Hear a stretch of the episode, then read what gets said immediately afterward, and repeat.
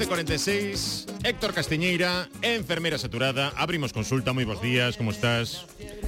Hola Kiko, moi bons días, que tal? Pois por aquí xa teño todo preparado, as, os tiques da consulta Muy e ben. todo, as luces e prendidas e todo preparado Todo preparado Oi, que quería preguntarche porque outro día eh, quedei un pouco asustado co que nos contaba eh, Débora Ciencia, Débora García Bello, sobre, explicó uno que era Oyodo, cómo, cómo ¿Sí? eh, qué, qué, significado puede tener, qué aplicación puede ter, e dicíanos que eh, él era unha certa psicose de xente que se preguntaba polo uso do iodo e que mm, estaban dispostos incluso a mercar na farmacia iodo en caso de que houvese algún tipo de reacción nuclear, tocamos por favor madeira, non, pero que se desatase unha terceira guerra mundial, que houvese un ataque nuclear, unha bomba, bueno, en fin, unha serie de cousas que xa me entrou unha angustia, unha angustia angustia tremenda, pero que resulta que eh, estes días vimos que hai comunidades, non é o caso de Galicia, pero hai comunidades onde onde si sí, a solicitude foi máxima, hubo moita xente preguntando polo yodo nas farmacias.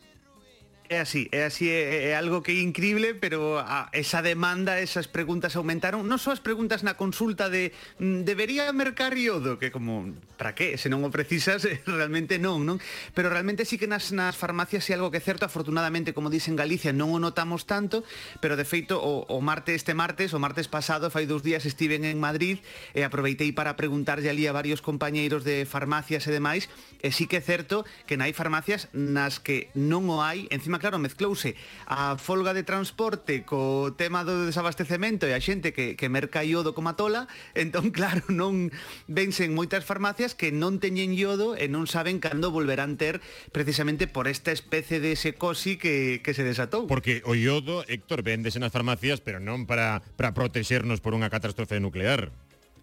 Que va, que va, o iodo véndese, véndese todo o ano, non solamente cando cando nos acordamos de que de, de que empeza unha guerra e que, e que algunha amenaza con con esas armas, pero véndese todo o ano porque hai persoas que o precisan, non? Bueno, además de, das persoas que podan ter de problemas de tiroides, temos eh, un caso clarísimo e eh, que además lles vende a este iodo sen receta médica, non é, non é preciso, ti vas á farmacia pídelo e xa está, non? E que son as mulleres que ou están buscando quedarse embarazadas ou xa están embarazadas ou están eh, eh, dando leite materno aos seus fillos, non? Entón, a estas mulleres aconsellaselles eh, tomar ese iodo en forma de ioduro potásico, que é unha, unha composición que xa ven así preparada na farmacia, e que, claro, elas habitualmente pois van, mercano, eh, sen ningún problema, e toman na casa mentras dura ese, ese embarazo, e como digo, incluso antes xa é recomendable, pero non por elas, sino polo pequeno, non? Para, para mm, que teña, non teña ningún problema de desenrolo pequeno e tal, sí que se recomenda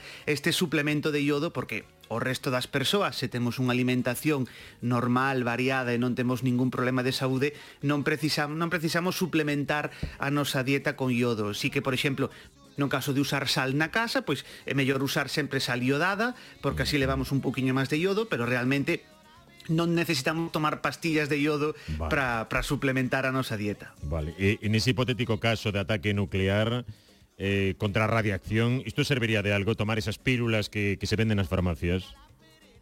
Para nada. Para nada, pero é que eh, eh, non é que decir estás animando a xente a que non o merque para que as embarazadas teñan pastillas, non, para nada, non é así, é que é unha cuestión de dosificación. Realmente as esas pílulas que coman que compran as as mulleres en, en xestantes nas farmacias eh conteñen 200, aquí está a palabra clave, 200 microgramos de iodo. 200 microgramos. Bueno, No caso hipotético, como dis, de que estivésemos expostos a unha nube radiactiva, a dosis que, que precisaríamos, esa dosis de emerxencia que sí está prevista, Veíamoslo na serie Chernóbil, e, eh, en outra serie de, de non só no cine, senón tamén na literatura, e, e dio así a literatura médica tamén, sería unha, unha dosis de 100 miligramos, non microgramos, 100 miligramos.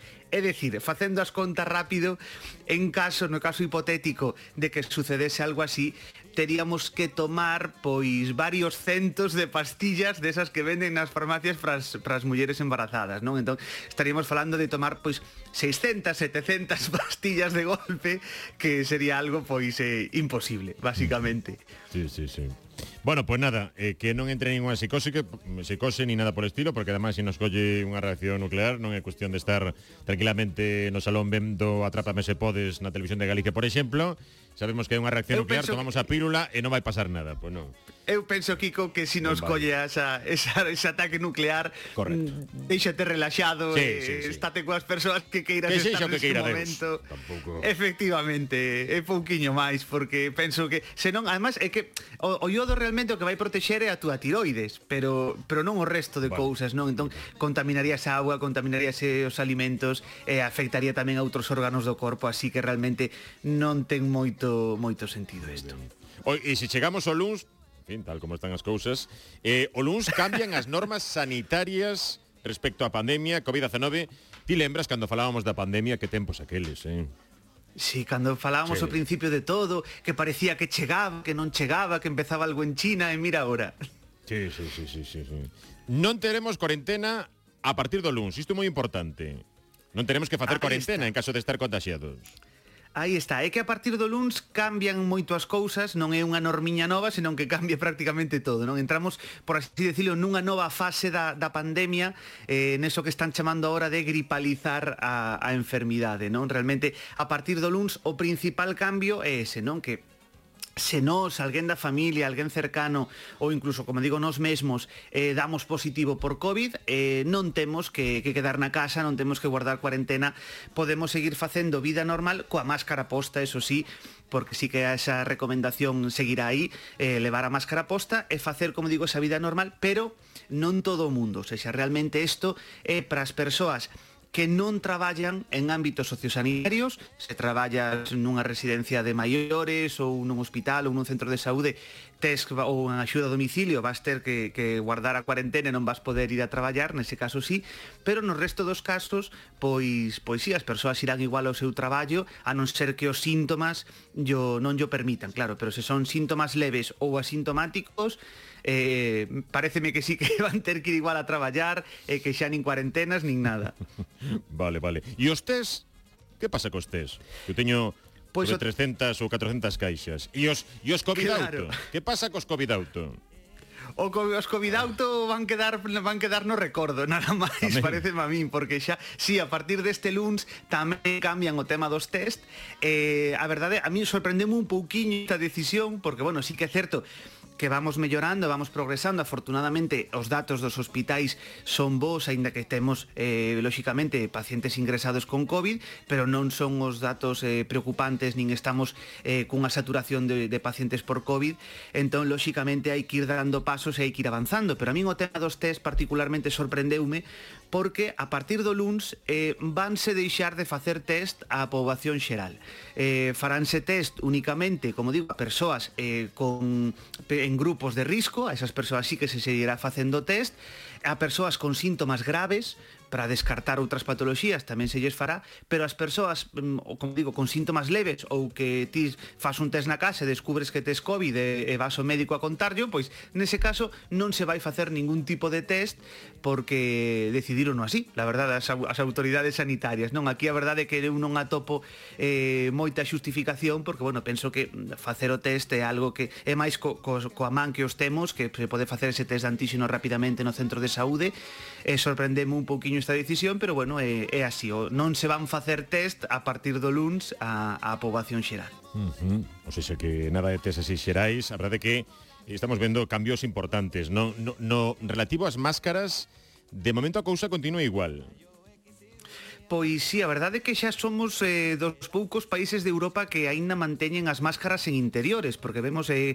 eh, Francia xa fai unhas semanas que a quitaron, eh, bueno, en Suiza e en outros países tamén foron quitando esas máscaras en interiores, pero de momento en España, penso que en Italia e tamén en algún outro país máis, aínda se manteñen estas, estas máscaras en todo momento nos interiores.